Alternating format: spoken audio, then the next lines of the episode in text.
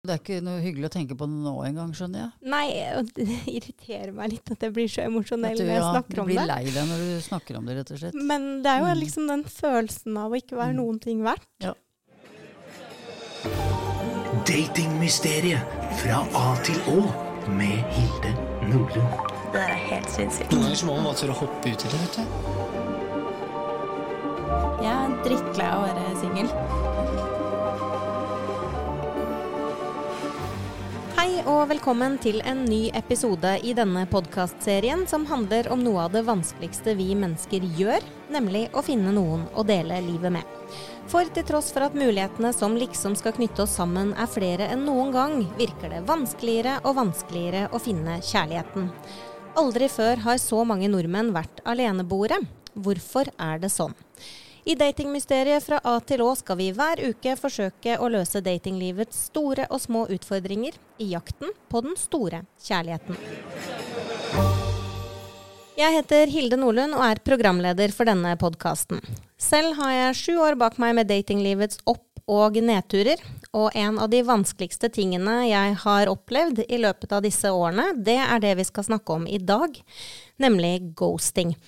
Og til det så har jeg fått med meg psykolog, samlivsterapeut, foredragsholder og forfatter Sissel Gran. Velkommen tilbake hit. Takk skal du ha. Ja, du aller først, for at folk skal forstå hva vi snakker om. Hva, hva er ghosting? Må jo først si at det handler om at det ordet er, jo avledet av da ordet spøkelse på norsk. Og hva er et spøkelse? Det er jo noe som du kanskje kan høre rasle på loftet, men som du ikke ser. Mm. Og det, et spøkelse er ganske skummelt. At det er et gjenferd eller noe usynlig. Eh, og noe som gir deg eh, kuldegysninger. Mm. Og det å ghoste noen i den moderne datingverden, det handler jo om å bare forsvinne i tynn luft. Mm. Som et spøkelse. Bli borte uten Bli noe mer. Bli borte uten noe mer. Men, men samtidig så er det fordi man vil jo alltid Du vil alltid kunne se liksom det, den som ghostet deg, eller Mm. spøkelse, Ja, f.eks. på sosiale medier, at vedkommende er der fremdeles. Og er der online ute, og er ja. online og er liksom der ute i verden, men ikke lenger tilgjengelig for deg. Mm. Altså, Så det, det, det betyr at du vet at vedkommende kanskje er ute og dater flere og andre og sånn, men, men bare forsvant fra ditt univers. Mm. Og det er klart at det mange opplever det som utrolig skummelt. Mm. Eh, hvorfor? Å bli sittende igjen med det spørsmålet. Hvorfor? Mm. Hvorfor forsvant du bare liksom uten noen forklaring? Mm. Mhm. Eh, og det er jo mange forskjellige sånn typer ghosting. Uh, altså dette her med at man plutselig slutter å svare uh, noen man har chatta med på disse appene. Det er jo kanskje ikke så uvanlig hvis man aldri har møttes og har holdt flere liksom, samtaler gående. Noen kan oppleve det som ghosting hvis man ikke hører noe etter den første daten. Eh, Men i denne episoden her, når vi snakker om folk som forsvinner eh, og ghoster, så snakker vi om folk som forsvinner ut av det som har blitt liksom, etablert som en relasjon. At man har truffet hverandre flere ganger eh, og hatt kontakt over tid, og kanskje til og med liksom, vært intim med hverandre. For så plutselig bare bli borte uten noe mer forklaring.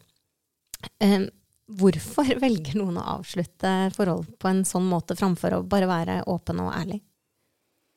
Det skulle jeg ønske at eh, forskerne kunne gå litt mer inn på. At de faktisk kunne spørre de som har ghostet både én og mange ganger. Mm.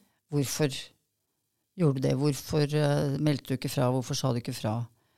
Eh, jeg vil jo tro at for manges vedkommende så handler det om at det er veldig vanskelig å avvise. Det er veldig vanskelig å møtes ansikt til ansikt og si du, dette passer ikke for meg likevel. Så gjør man det på den lettvinte måten Mm. som er mulig. Ehm, når man f.eks. har eh, bare Ja. Når man eh, ikke mm, har bodd sammen, eller Da Mm. kan du jo ikke det.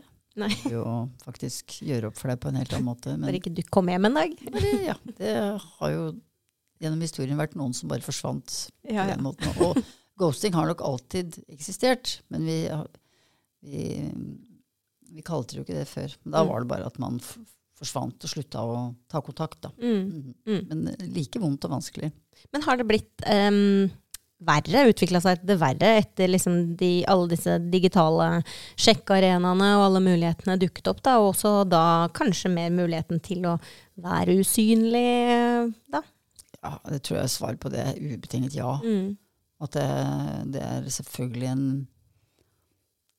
nå, altså, Det er legio muligheter til bare å forsvinne. Altså, Og jeg tror at hele systemet der det er også rigga på en sånn måte at eh, det, det gjør veldig mange. Og veldig mange regner det som liksom normalt. Mm. Uh, og mange sier jo at det, må du regne med, osv. Så videre, sånne ting. Mm. Men, Men har eh, du opplevd det selv? Jeg, ja. Mhm. Ja. Um, jeg, jeg har jo vært borti flere grader av, av ghosting, og sjøl jeg skal jo innrømme at selv har jeg også sluttet å liksom snakke med noen på um, disse appene eller sosiale medier, hvis man liksom finner ut at man ikke er så interessert likevel. Men det er jo annerledes, syns jeg kanskje, da, når man ikke har møttes. Men eh, jeg ble utsatt for ghosting eh, i sommer. Um, og um, av eh, en som jeg trodde kanskje var drømmemannen, da, fordi han tilsynelatende eh, Alt han på en måte sa og gjorde innledningsvis, gjorde at jeg trodde at dette var en fyr det var verdt å satse på. Han virket veldig trygg og stabil. Han hadde eh, tre barn. Han var liksom 41 år. Eh, han eh, hadde liksom eh, livet på stell. Og fra liksom første date så var han veldig, veldig tydelig på at han var liksom ferdig med tilfeldige møter, og det å ligge rundt, det ga han ingenting. Så han var ute etter et stabilt og seriøst forhold. Um, Og det var du òg. ja, det var jo jeg Mm, også. mm. Uh, og um, vi møttes på Sukker, uh, og gikk, uh, vi skrev ikke mange dagene før vi møttes på lunsj. Eh, og etter det så var det veldig, veldig veldig tett kontakt, da primært på, på Snapchat. da.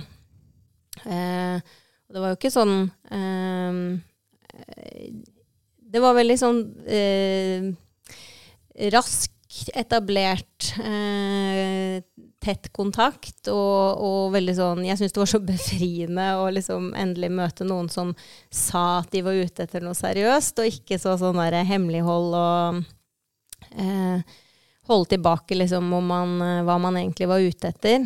Um, og jeg ble jo veldig sånn uh, betatt av, av det, uh, og at han uh, var veldig sånn tydelig på at dette så han på som starten på noe seriøst. Han hadde masse planer for hva vi skulle gjøre fremover, og ting vi skulle oppleve, og alt sånn. Um, og han sa jo også det at eh, spenningen var fin, men nå ville han ha ro og trygghet eh, med meg. Uh, og vi booket jo til og med en litt fellestur til Roma. Uh, uh, ja, før det Mm. ikke var noe mer, holdt jeg på å si. Um, ja. Og den turen ble kanskje aldri noe av. Nei, det som skjedde var jo at jeg vet ikke om han booket den turen heller, men han sa nå at han gjorde det. Men jeg fikk eh, Det var jeg som hadde søkt opp eh, disse mulige bostedene i Roma, eh, og han som da booket. Og i dagen etter han liksom skulle ha booket en leilighet, så fikk jeg sånn push-varsel på booking.com om at denne leiligheten fortsatt var ledig, og 1000 kroner billigere enn hva den hadde vært dagen før. Så jeg tok kontakt med han og spurte eh, om liksom, han ikke hadde fått bekreftelse på den bookingen, eller om han hadde fått kalde føtter, eller hva som hadde skjedd. Og eh, det var jo kanskje dumt å ikke stole på, på han, men eh, det ble i hvert fall til at etter det så Og det var jo to dager etter at han hadde sagt at han ville gå all in, og at eh, vi liksom skulle satse på dette her. Så da fikk han veldig eh, da, da fikk han eh, litt second thoughts, rett og slett, og ble veldig usikker på om dette var en relasjon å satse på. Så vi møttes, gikk tur i tre timer. Og snakket om liksom, ja, hva skal vi gjøre. Vi, vi hadde ikke møttes sånn kjempelenge. Det var ti uker. Eh, så, så, ikke Vi snakker ikke liksom måneder og år. Men eh, vi hadde jo da hatt tett kontakt i liksom ti uker. Og eh, vi ble enige om at vi hadde lyst til å fortsette å treffes, eh, men han måtte ta det litt ned, for det var litt mye med liksom barna og sommerferie og, og sånne type ting. Og eh, det er vanskelig å argumentere mot liksom, at barna skal komme i første rekke. Det er jo på en måte en selvfølge. Så jeg syns jo det var greit. Um, han uh, uttrykte etter denne turen at han var så glad for at vi hadde funnet godfølelsen igjen, og gleda seg til vi skulle treffes, og vi skulle på hengekøyetur på et sånn padleparadis som jeg um, ofte drar til om sommeren, uh, når jeg kom tilbake da fra Spania. Um, og så var han ute med en kompis på lørdagen. Eh, søndag meldte vi lite grann. Jeg spurte om vi kunne ringes fordi jeg skulle til eh, Spania på mandag. Og det kunne vi. Eh, siste han sendte, var sånn kyssefjes-emoji. Jeg hørte ingenting. Han ringte aldri. Sendte meg ikke god tur-melding. Eh, tok ikke kontakt i det hele tatt. På Ja, jeg tok ikke kontakt. Jeg sendte en snap da fra Spania, for jeg tenkte just det er jo veldig rart å ikke liksom høre noen ting. Eh, men jeg hadde jo ventet siden han sa han skulle ringe og ikke gjorde det. Eh, og den brukte han sånn en halv døgn på å åpne. Og etter det så åpnet han ikke snappene mine noe mer. Ok, da var han borte. Mm. Og da satt jeg på ferie i Spania og fikk den turen Det må eh, ha vært uh, ganske trist, rett og slett. Ja. Mm, ja. Det, Eh, det, er ikke noe, det er ikke noe hyggelig å tenke på nå engang, skjønner jeg. Nei, og det irriterer meg litt at jeg blir så emosjonell du, når jeg snakker du om blir det. lei deg når du snakker om det, rett og slett. Men det er jo Mm. liksom den følelsen av å ikke være Mm. noen ting verdt, Ja. Mm. som er så utrolig kjipt, da. Mm. Og det er jo ikke det at jeg ikke skjønner at han ikke var den rette, eller at han ikke var så bra fyr som han ga uttrykk for at han var, men, men det er liksom bare den følelsen man blir sittende igjen Mm. med, at man Unnskyld meg.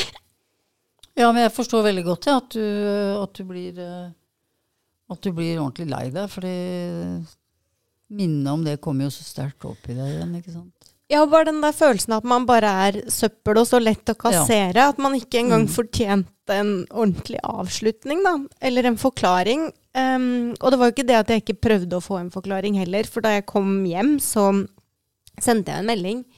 Han hadde vært så utrolig opptatt av at han var så empatisk og samvittighetsfull. Eh, og sagt, snakket om det flere ganger. Um, så jeg eh, sendte jo en eh, melding og spurte liksom hva jeg hadde gjort for å fortjene å bli liksom totalt ignorert den siste Mm. uka. Og få ødelagt ferieturen min, liksom. Uh, og da fikk jeg bare et sånn kort svar om at uh, det hadde vært utfordrende denne uka her, med barna og brudd og alt som var. Og, så, og ting ble jo vanskelig mellom oss, så han ønska meg lykke til. Mm. Eh, veldig sånn kort eh, og eh, ja.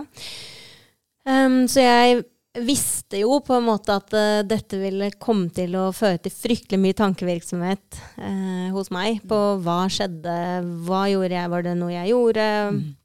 Har egentlig noe vært sant av det han har sagt og lovet, og hva har liksom denne relasjonen egentlig vært? Så jeg forsøkte flere ganger å få til et uh, møte. Eh, hvor han svarte liksom at han hadde vært ærlig hele veien, og vi kunne få til et møte når vi var tilbake fra ferie sånn og sånn, og han hadde ikke lurt meg, og han hadde vært helt oppriktig med alt han hadde sagt, osv., osv.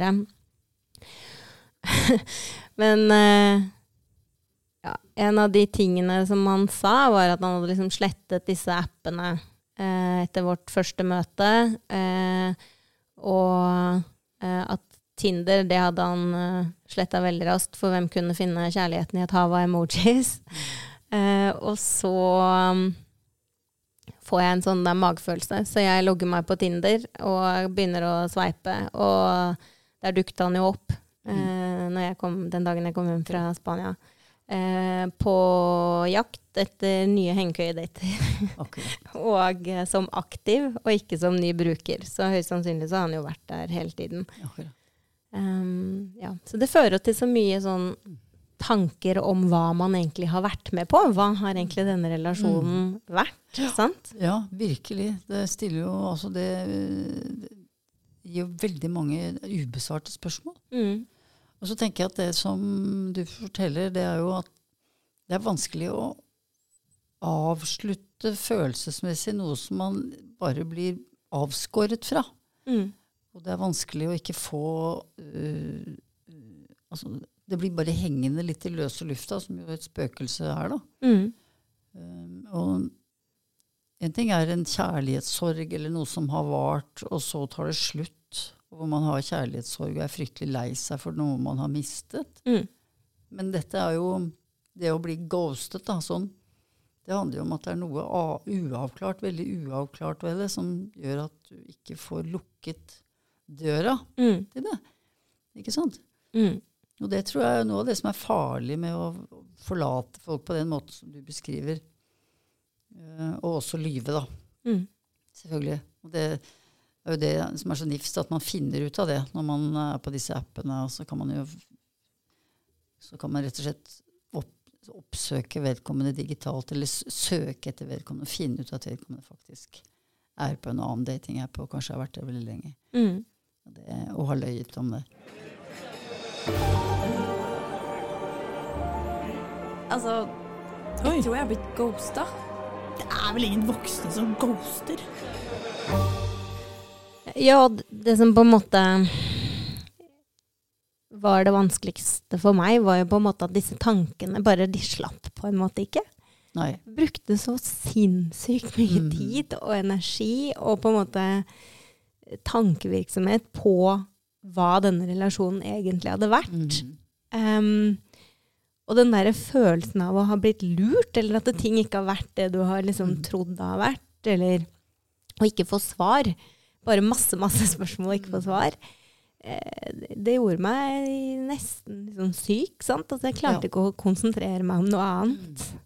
Eller em, Jeg tror hvis du snakker med venninnene mine, så vil de liksom si at jeg nesten var litt sykelig opptatt av dette Ja. i den perioden. da. Du tålte det veldig dårlig. Mm. Mm. Men er det vanlig, liksom? Jeg tror at uh, i, i en gitt situasjon så tenker jeg noen hver kan havne der. Fordi det han gjorde, det var jo virkelig å komme masse sånn frampeketid, framtidsdrømmer hva dere skulle gjøre. Var oppriktig, empatisk, hyggelig. Sa veldig tydelig fra at dette ville han gå inn i. At han var ferdig med å ligge rundt og ferdig med så useriøse forhold. At han ville satse på deg og dere. Og det er klart at, og hvis han da virket veldig sånn ryddig og varm og ærlig, Mm. så kan jeg ikke helt skjønne hvorfor du ikke skulle tro på det. Um, og det kan jo godt hende vet du, at han trodde på det selv. Mm. I den, at han ikke var en sleip manipulator, eh, men at han trodde på det selv, at han ønsket seg det veldig selv, at han hadde veldig lyst til å få det til selv. Um, men hvorfor han hvorfor det glippet, og hvorfor han liksom plutselig følte at det var feil, det har du vel kanskje aldri fått noe ordentlig svar på. Nei, nei. Nei, sånn at det blir en sånn, et uavsluttet kapittel. Mm. For dere fikk aldri satt dere ordentlig ned og snakket og grått om uh, hvor, hvorfor det ble sånn. Du fikk liksom ikke tatt avskjed. Ja, og det å ikke få avsluttet et forhold, eller avslutt, det gjør jo at det blir hengende der. Mm. Og det er det du har opplevd, kanskje. Ja, så tror jeg at for meg da, så er det så vanskelig å klare å sette meg inn i og faktisk forstå um, at noen på en måte har samvittighet da, til å behandle et annet menneske på den måten. Og i hvert fall sånn, jeg hadde, jeg hadde bare vært grei mot han på en måte, og vist stor forståelse for hans situasjon med barn. Så det var veldig vanskelig å få til å treffes, og det kunne være kanselleringer i siste liten. og vi kunne bare snakke på telefon på kveldstid eller natterstid når det var stille i huset. Og hvis barna kom i nærheten, så var det liksom å slenge på røret uten noe mer. ikke sant? Altså sånn. Så jeg følte jeg hadde vært så innmari forståelsesfull også. Og da klarer ikke jeg inni meg på noe vis å forstå da, hvordan man på en måte rettferdiggjør overfor seg sjøl å behandle noen mm. sånn. Men Var det sånn at du da tenkte kanskje han levde et dobbeltliv? Kanskje han slett, kanskje slett ikke var barna som gjorde at han måtte slenge på røret, bare kunne snakke med deg på natterstid? Var han fortsatt gift? Var han sammen med kona? Var han i et annet forhold? Har du tenkt sånne ting? Eh, jeg Sissel, jeg kan love deg, det er ikke en tanke jeg ikke har tenkt. Ja, Etter denne ghostingen. Meg, ja. Det kan jeg godt forstå, altså. Mm. Men tror du de som ghoster, forstår hvilken skade de kan påføre et menneske ved å Nei. gjøre sånn? Det tror jeg ikke. Nei. Jeg tror bare det er eh, Det er jo en, det er jo en, en, en sånn slags feig tilbaketrekningsmanøver. Fordi det er vanskelig å ta en konfrontasjon, fordi Eller fordi det kanskje aldri var noe seriøst der for den personen allikevel. Mm. Kanskje det var en Selv om han sa det? Ja, selv om han sa det. Det er jo Mm. ikke alt det folk sier er sant, ikke sant. Så det, det kan jo ha vært Men at du blir sittende og spekulere veldig på hva var det, hva var egentlig hans motivasjon, og hva var det han egentlig drev med, det skjønner jeg veldig godt. fordi Og det er ikke sikkert du får noe svar på det. Nei. Det som er helt sikkert, og som sikkert venninnene dine har sagt til deg, òg, det er at han han var ikke bra for deg. Nei, det det Altså når han kunne gjøre de tingene der, så, så var jo ikke det en eh, var ikke, Han var ikke et kjæresteemne, han. Han kunne gjøre det.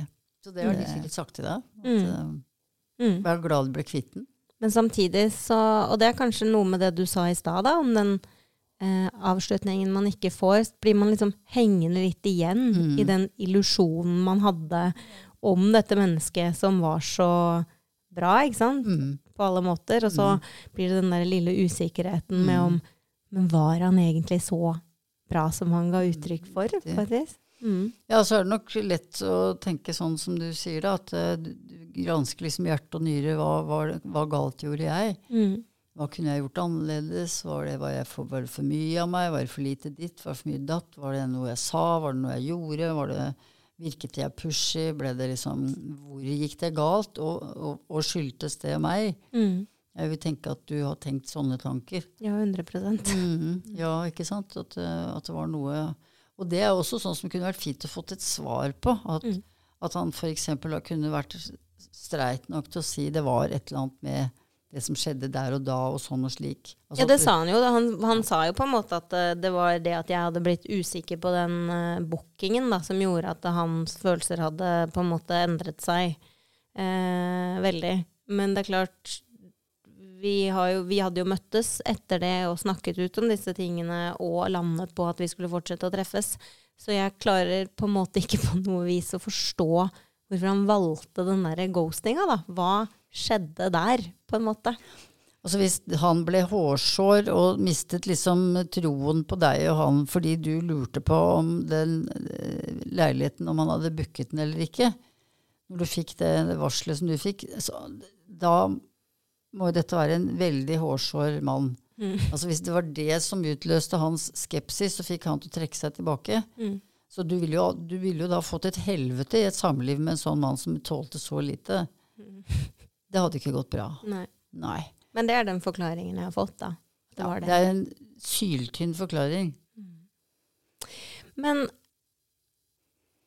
sant, jeg opplevde Men er jo du kvitt han i hodet ditt nå, da? Eller, er det, eller romsterer han som et spøkelse oppi der fremdeles? Hender han kommer frem og buer litt fortsatt. At han, ja, Ja. at han går og skrangler med lenkene oppi Ja. hodet ditt enda, og Mm. uler i nattemørket. ja, at det blir mer den Mhm. mm, hva, hva skjedde? Hva skjedde, ja? Hva skjedde? Mm.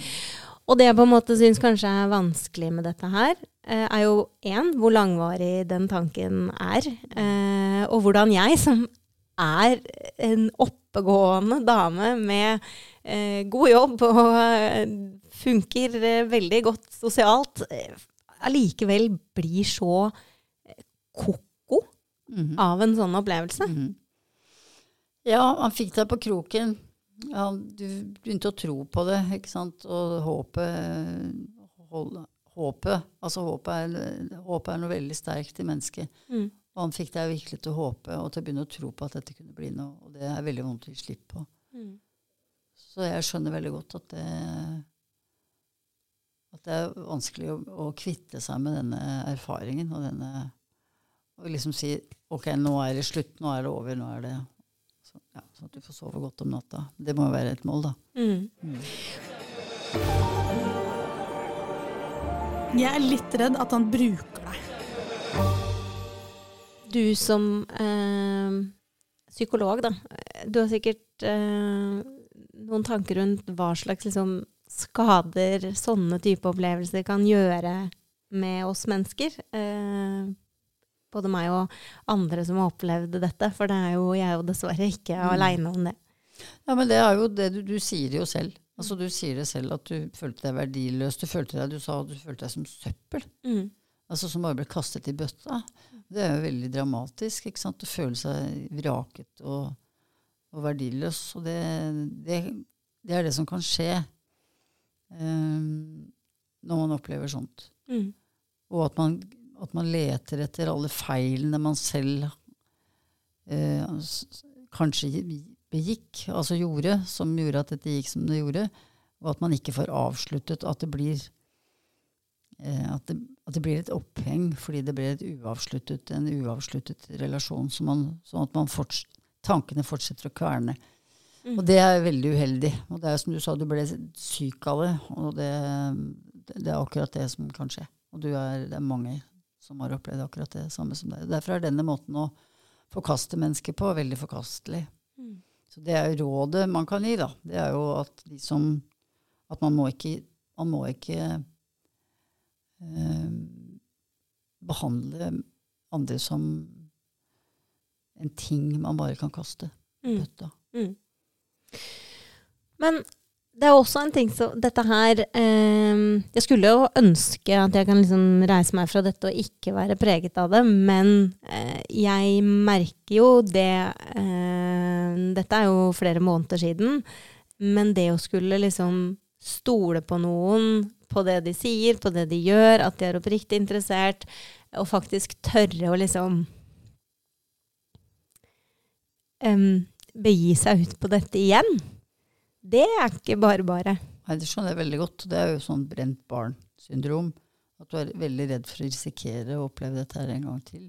Ja, Og jeg så jo ingen tegn. Jeg har jo til og med sagt til venninnene mine er det én ting jeg ikke er redd for, så er det i hvert fall at han skal ghoste. Fordi han virket så oppriktig og genuin, og var så opptatt også av at han var så genuin og empatisk og samvittighetsfull. sant? Ja, og så gjorde han, så, så gjorde han det motsatte av det han sa. Nei, så det, det er klart at du blir veldig utrygg av en sånn opplevelse. Og når en person kan virke så troverdig som det du beskriver han som, um, hvem kan du stole på da? Mm. Sånn at det vil jo nøre opp under mistilliten din til um, andre du måtte møte i en sånn datingsituasjon. Og rett, kanskje en frykt for å våge å ta sjansen på noen. Mm. Men hva tenker du at du kan gjøre med det? Hva tenker du at jeg kan våge å gjøre med det? Jeg vet faktisk ikke. Nei, det er ikke noe enkelt svar på det, tror jeg. Men jeg tror at eh, det går an å si til en du treffer, og som du kanskje begynner å like veldig godt, og som begynner å like deg veldig godt, at du har opplevd det der og der, og at det er du kjemperedd for. Og at hvis, hvis personen faktisk har tenkt seg å avslutte, så må, må du få snakke med vedkommende om det. For det der tåler du ikke eh, så mange ganger. Mm. Men er det noe vi kan gjøre, da? Vi som, for dette skjer jo både kvinner og menn. Eh, Mm. Det er jo ikke bare menn som ghoster, damer gjør jo også det. Det Er det, det. er det liksom noe vi kan gjøre for å fange opp eh, noen tegn? Altså er det liksom noe som, som Noen tegn på folk som kan være liksom potensielle ghostere? Det er vanskelig å si, vet du, for vi kan jo risikere å bli helt paranoide vet du, og, bare, og ikke tro på noen ting til slutt. Og Mm. bli veldig engstelig. Men jeg tror at det er Er det ikke en protest på gang, da? Mm. Eh, Jeg tror jo at det vil komme noe motstand mot dette eh, uvesenet her. Mm. At det er det på gang. I, fordi altfor mange har opplevd det, og veldig mange er slitne av det. Mange har opplevd det mange ganger. Ja. Så- ja, du tenker på denne, denne anti-ghosting, som Ja. liksom er blitt et fenomen mm. nå, sant? Som, mm. Det er jo litt sånn eh, trist på mange måter, da. At man må ha en sånn eh, Jeg hadde kalt det for anti-ghosting, når det strengt tatt egentlig bare er vanlig, normal folkeskikk. Mm. Men kanskje folkeskikken må få en boost. At den må gjenreises. For jeg tror de appene har på en måte senket ja, senket folkeskikken litt. Og, Men for at det skal være en sånn slags For folk skal våge da, å date på den måten, så, så tror jeg at anti-ghosting må ja, må reklameres for. Mm. Jeg tror det er en protestbevegelse på gang. Mm. Ja, for man får jo også liksom høre sånn Å, blir man ghostet, så skal man bare liksom la det skje. Man skal ikke ta kontakt. Jeg brøt jo med det da jeg sendte SMS og bare Hva skjedde, på en måte? For man skal jo bare la det skje, og ikke liksom mase mer og eh, Ikke sant? Men, men jeg, for min del, så handlet det var kjempeviktig for meg å si ifra om Ja. at vet du hva, jeg Ja, syns faktisk ikke det er greit at du oppfører deg sånn, og du, jeg har vært bare grei mot deg, og du behandler meg som dritt. Det syns ikke jeg er ok. Skal vi, må vi skrike det litt høyere, Sissel, rett og slett? Ja, jeg tror det at uh, kanskje det bør bygges inn i dette systemet. Altså at flere må snakke om det. At uh, å være en ghoster er eh, simpelt. Mm. Det er en lettvint måte å slippe å konfrontere på fordi at mange er redde for å såre, eller man gidder ikke, eller Men skal, skal disse datingappene bevare et slags rykte som en mulig arena å treffe noen på, så må, så må det ryddes opp i akkurat det fenomenet der. Mm. Så motstand, protest, Rådet er bli en anti-ghoster. bli en antighost. Du, eh, tusen takk for at du eh, kunne komme i studio i dag. Du er faktisk tilbake allerede neste uke, du. Da skal vi snakke om hekt, og hvordan historien vår påvirker det å finne en eh, ny partner. Og du har jo skrevet en bok som heter 'Hekta på et håp om kjærlighet'. Så det gleder jeg meg til å høre mer om. Ja, fint. Gøy. Tusen takk til eh, pluss.no for hjelp med lydbildet. Takk til impro-skuespiller Synne Uddemo Ask, Linda Balsvik og Trym Åsnes for hjelp med lydklipp. Takk til møbelringen Ruen Møbler for oppstartshjelp til denne podkasten. Og hvis du som meg har grått madrassen din full av tårer etter å ha blitt ghosta, så kan du få kjøpt en ny på møbelringen Ruen Møbler på Lillehammer, Jessheim og Raufoss. Og aller mest, tusen takk eh, for at du hørte på. Følg også gjerne Datingmysteriet på Instagram, og her kan du ta kontakt hvis du har spørsmål, innspill eller tilbakemeldinger. Så høres vi om en uke. Ha det godt!